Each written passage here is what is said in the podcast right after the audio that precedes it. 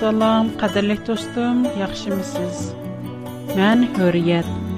Бүгін әхваліңіз қанда?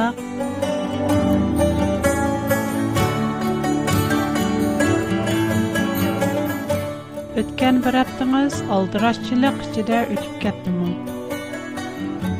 Достларым әрдайым, күнім, қызмет, өй, қызмет өй депна алдырашчылық жеде өтіп Nemek için de kaldıraymış bilmeymen. Bu dünyada Adem ölümünü kütüp yaşaydıgan gepken, ama şundak mənisiz deyişir o. Sizin ruhi keyfiyatınız kandakra? Navada Adem ruhi sizimin yukasa, ama mənisiz ruh bilindu. Dostum, eğer siz Азыр дәл шындақ рухи бұшты құшыды тұрған болсыңыз? Кілің, программымыздың сіз арзу қылған, әмі тапалмай өткен.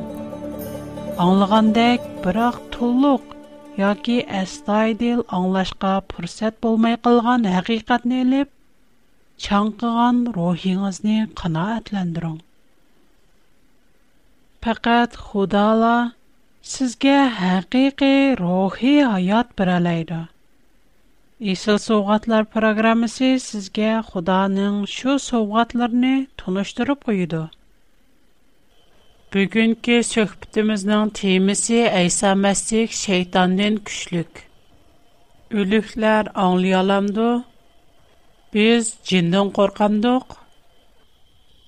Söhbətimizdən avulda qadirlik dostlarımğa İncil və Qur'andan bugünkü söhbətimizə münasibətlik bolğan iki ayətni oxub etməkçimin. Qadirlik dostlarım, bu ayətləri anlaş bilən birgə bu gün biz həll qılmaqçı bolğan bu məsələlərini mə oylanıb baxsaq. İncil Kolosiliklərə yazılğan xətt 2-ci bab 9-10-cu ayədə mündəq deyildi. Xudanın barlıq mükəmməl təbiəti bu dünyaya insan tinədə gələn İsa Məsihdir. Sizlər İsa Məsihə mənsub bolğanlıqlarından u sizlərə Xudanın kütgünidək buluşunlar üçün muhtac bolğan hər qandaq iltifatını bərdi. U ruhi güclər dünyasındakı hökmranlar və hüquqdarlardan üstün durdu. Құран 30-ші Рум 52-ші айетті мұндақ дейілген. Шөкпісіз ке, сән үліклерге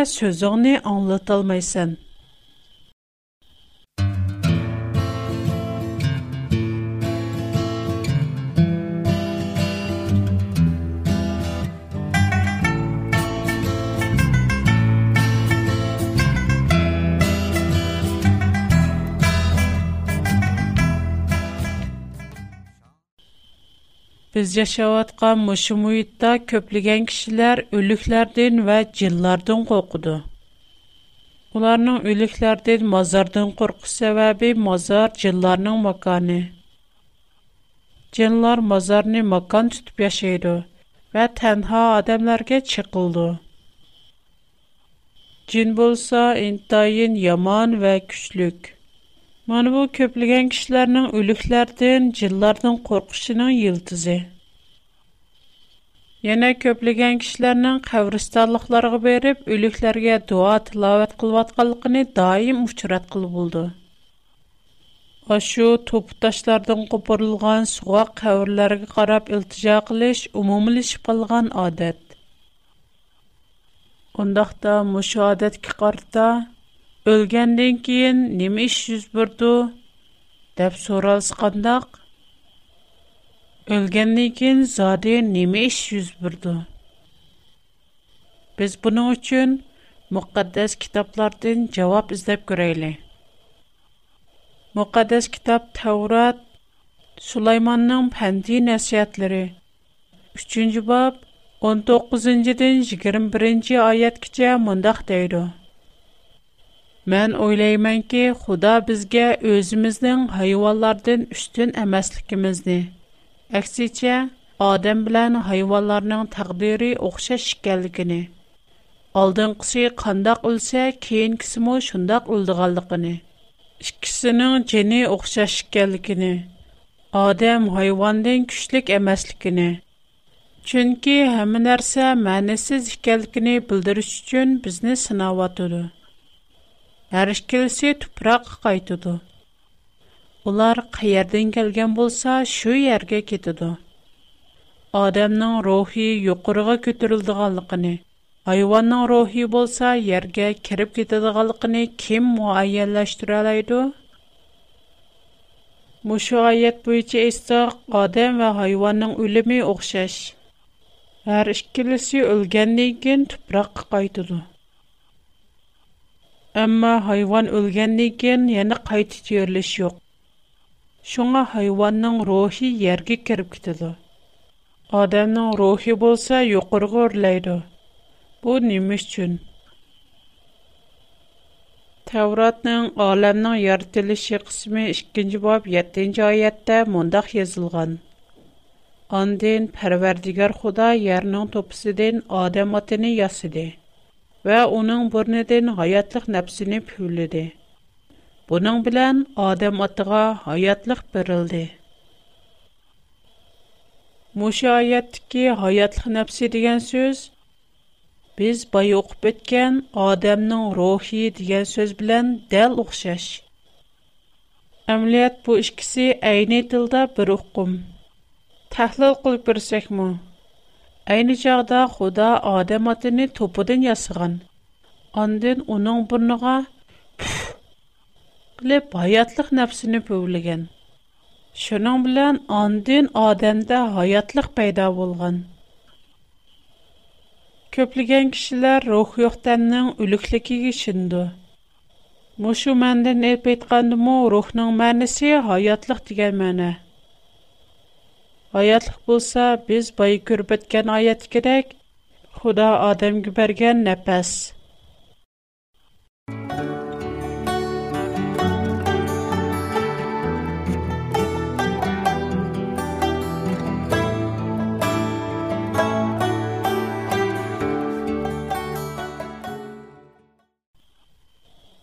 Хәлі көп сандагы кешеләр адам өлгәннән кин тәнчиреп, ruh mängü mewjud bolup durdu dep oýlaýdy.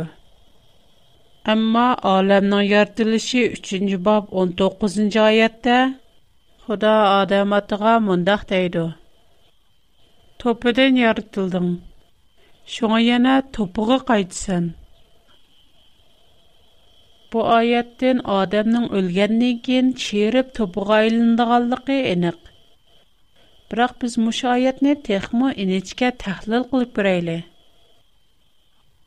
Топыден яратылдың, топыға қайтсын. Адам әсілі тұпырақтын яратылған. Ондақты ені бір суал. Тұпырақта жан ба му? Исият вә ойлаш мәвжуд му? Енақ ки оныңда хаятлық мәвжуд hissiyat asla yo'q bo'lmag'anda har kuni oyog'imiz ostida chayinib kuli ko'kka so'rilgan ashu tuproqlar bizga nola faryod qilib norozilikni bildirgan bo'ladi xulos shuki tuproqda hayotlik yo'q mavjud emas odam o'lgandan keyin tuproq aylangan ekan undaqda tuproqqa o'xshash mavjud emas yana hayat yo'q oyub payg'ambar mushu hayotliq ya'ni mavjudliq haqida mundoq deydi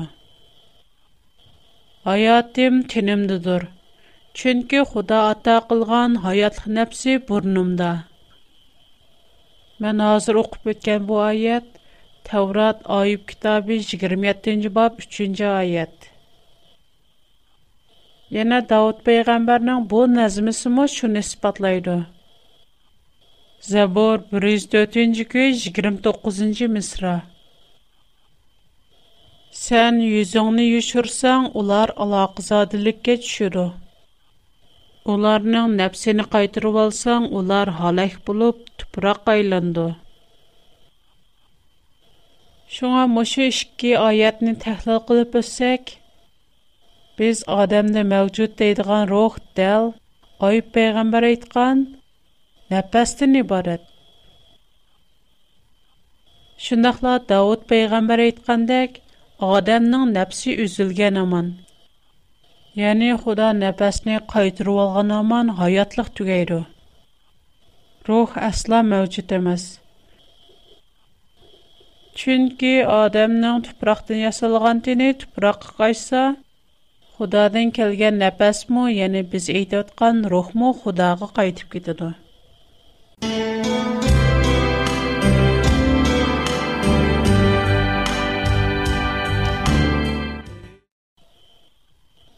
Құран кәрім 20 сүрә Таха 55 айетті мұндақ дейілген. Сіләріні зимендің хәлі қаттық.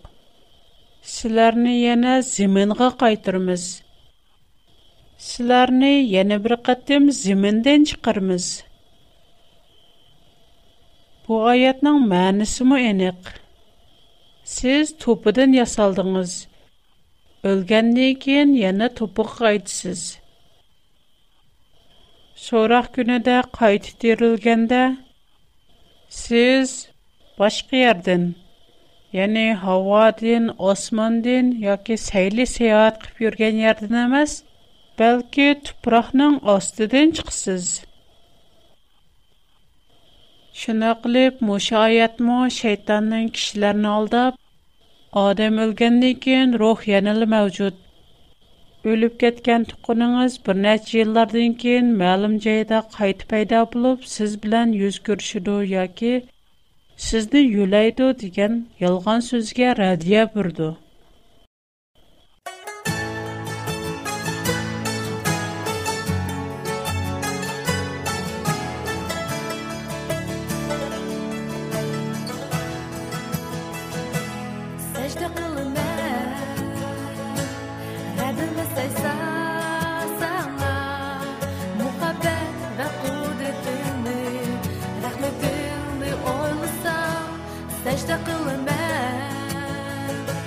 Rabbim istaysan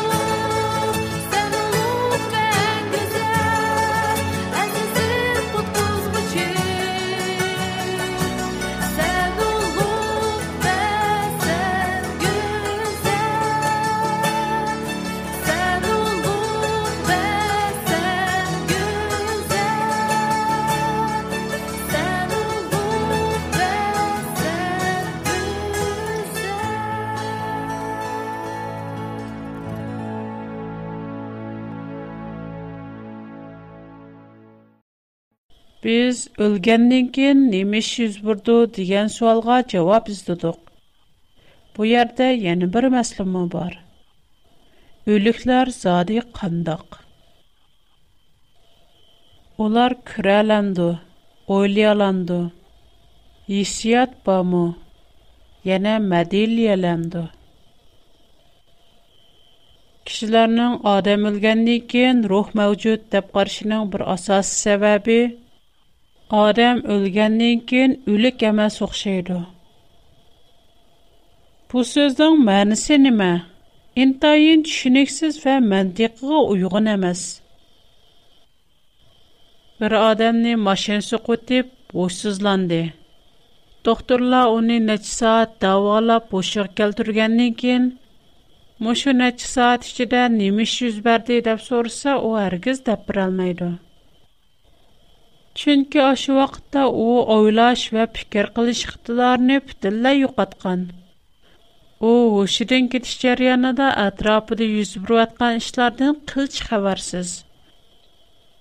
Mashina soqutib, hushidan ketgan osha odamning hech nima o'ylay olmaydiganligiga hamma odam ishindi. Yo'lda sezgusini yo'qotgan heliq odam hushsiz yotganida Қаргыдалла, яны бір машини килиб, уни басуруп, өлтүріп қойди. Әгер, үліхлер білиду, күрәлайду дайдығам олсақ, ярланға вақтада, ұс-сізліні, бейшнімні білмэй еткан адам өлгендийкин, тусаттын, хаміни білдіғам болып қаламды. У, үліг кемас му? Tevrat Süleyman'ın Pendi Nəsiyyətləri 9-cu bab 5-ci, 6-cı, 10-cu ayətdə Çirik it ölük şirdən yaxşı. Hayat kişilər özlərinin ölümünü bildi. Ölüb getkənlər heç nimini bilməydi. Onlarga yana inam yoxdur. Onlar bütünləy unutulub gedidir. уларның мәхәббәт, нәпрет вә хисәтләреме үзләре белән билә өлү дә. Бу яшнан тригедә юз бергән işләрдә мәңге уларның хәсселләре булмайда. һәр қандак эшне кылгыныңда теришеп эшлә. Чөнки ахиратта эш юк. мәсләһәт юк. белем юк, ақыл парасат юк. Сән моны шу җайык бар Навада машина бесетіп, ұрсызланған сізімін үйқатқан адамны. Машина оны қайты бір қатын бесіп, өлтіріп ойған декен, о әміні бұлды сізім бар десек, құды үлік үлік әмәс оқшайды. Әдедін ашқан чақчақ оқшаш. Шайтан бізді мұшында қалдайды. Құран кәрім 23-сөрі Моимының 112-ci ayətin 114-ci ayət keçə ölüklərinin əhvalı doğruluq. Bunda xəbər var. Allah, zimində qanç yıl durdunlar? deyir o. bir gün ya bir gündə mu az durduq? Hesablıqıcıdan sorğın, Allah, Әгәр белсәңләр, фақат азгыны вакыт турдыңлар дейди. И инсанлар, бизне сизләрне өзеңләрне бикар яратты. Өзеңләрне безнең дәргаһимизгә кайтырылмайды дип уйламсызлар? Адамлар өлгәннән кин һәм эшне булдыган булса, улар ни өчен үзенең канчы ел кабрыда турганлыгын белмәйдер? Юқарқи аятлар бойынша адам өлгәннән кин уларның мухаббат нәфрәте, кайгы, хошанлыгы түгәйде. Уларда яна ойлаш, билим, хиссият, иқтидар юк.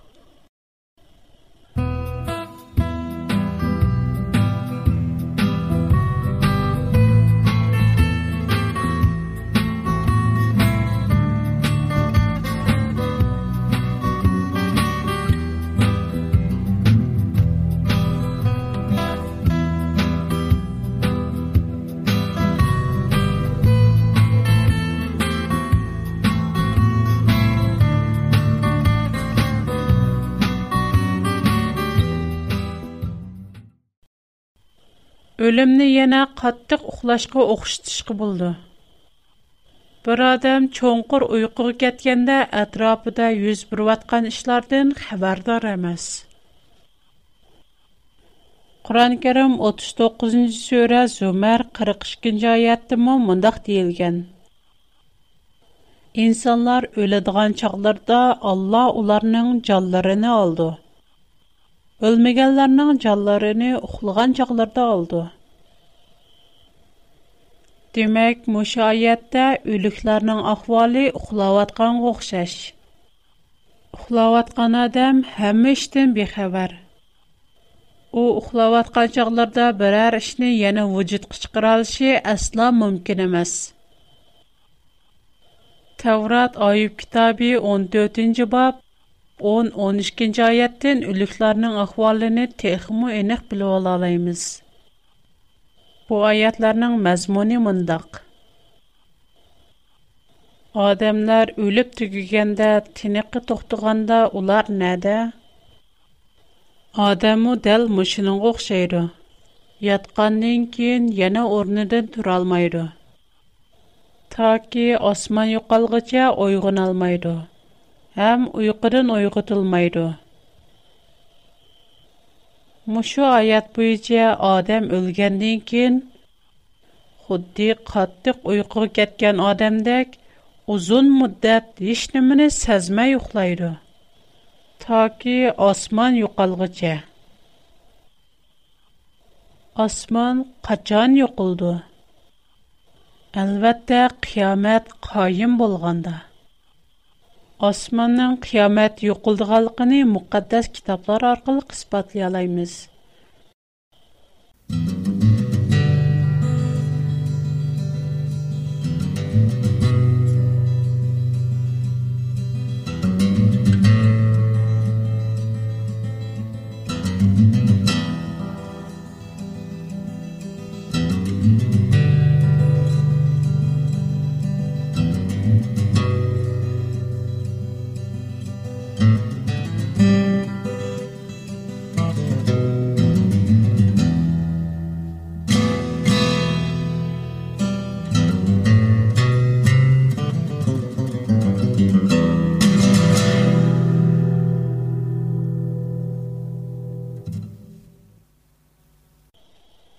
Біздің бұрын нұрғылыған айждадлар, адыбауыларымыз алэмді нөтті.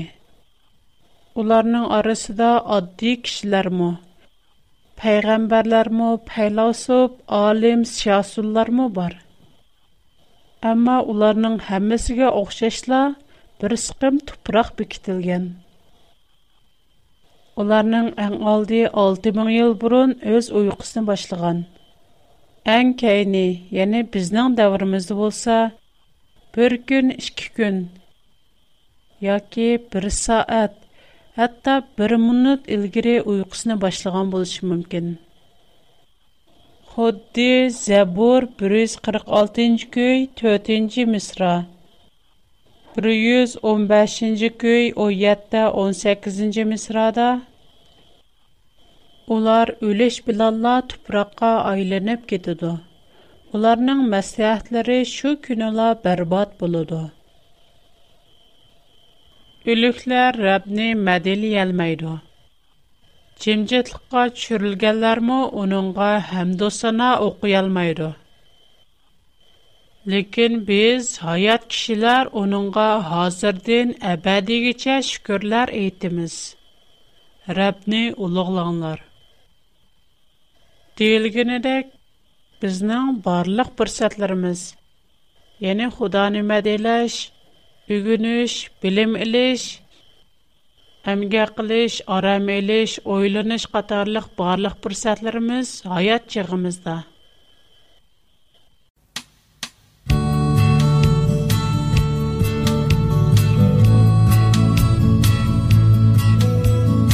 Программа ахырда достумга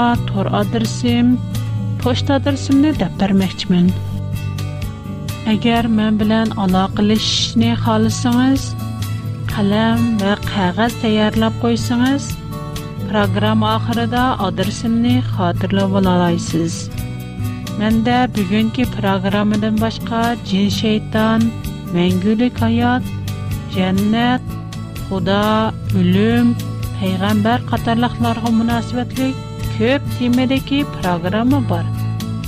Яхшы көрсеңіз, маңа хат язсыңыз, сіз аңлашны халайдыған, яки аңлялмай қалған ішкі программыны сізге ақсыз әвәт бірмін.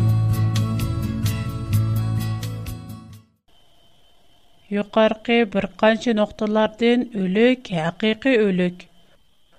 О әргіз өлмегенге оқшымайды деген құласыны чықадық. Шынах болған іккен, яны бір мәсла.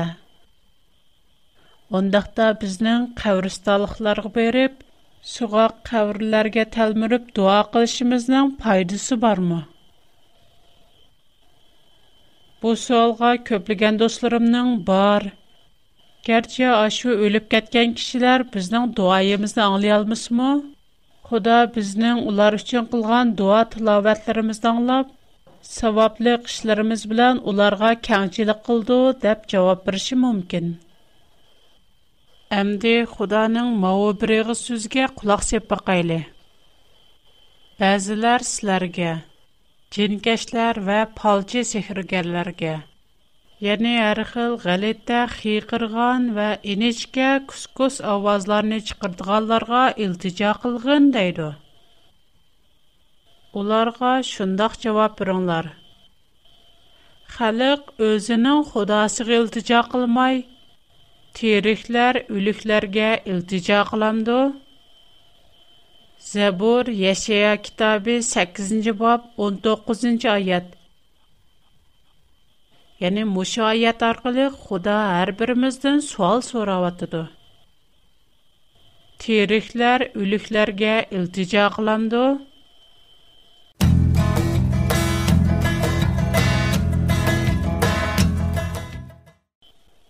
Біздің дуайымыздың үліклерге әсқатыдыған әсқатмайдығалықыны Құран кәрімдіке мұны аяттын көріп бақайлы. 31. сөре Луқман 33. аят. И инсанлар, пәрвәрдігарыңларға тәқвадарлық қылыңлар. Шондақ бір күллер келді ке ата балысыға әсқатмайды. Балымы атысыға әсқатмайды. Onundan başqa yana 34-cü surə Səbə 25-ci ayət və 35-ci surə Fatir 18-ci ayətlərdə mə oxşaş məzmun təkrarlanıb mundaq deyildi. Әйткен ки, біздің қылған гунахларымыз үшін сілер сораққа тартылмайсылар. Сілернің қылмышыңлар үшін біз сораққа тартылмаймыз. Еч бер гынаһкар адам бра ウン ның гынаһын өстәгә алалмыйды. Гынаһи әгәр бер адам башка бер аwny үз гынаһын өстәгә елвылышка чакырса, ул якын тукыны булган тагдырдымы? Уның гынаһын озрак нәрсәне өстәгә ел алалмыйды. Кем ке пакланыр икән, ул булды. Бу аятларның мәнисе нимә? Һеч кем һеч кемнең гунасын күтәрмәйде. Мухаммад мо башкаларның гунаһын күтәрәлмәйде. Хәтта үз аилестикләрнең әгәр ул пакланса үзе өчен. Бүгенге программабыз мушярда аяклашты. Минең тора адресым Harriet at bigfoot.com менің хата тірсем A W R P O Box 310 Hong Kong менің хәзірше хата тірсем 香港邮政总局西巷310 нөмір. Хош, Құдаға аманат. Xush vaqt bo'linglar.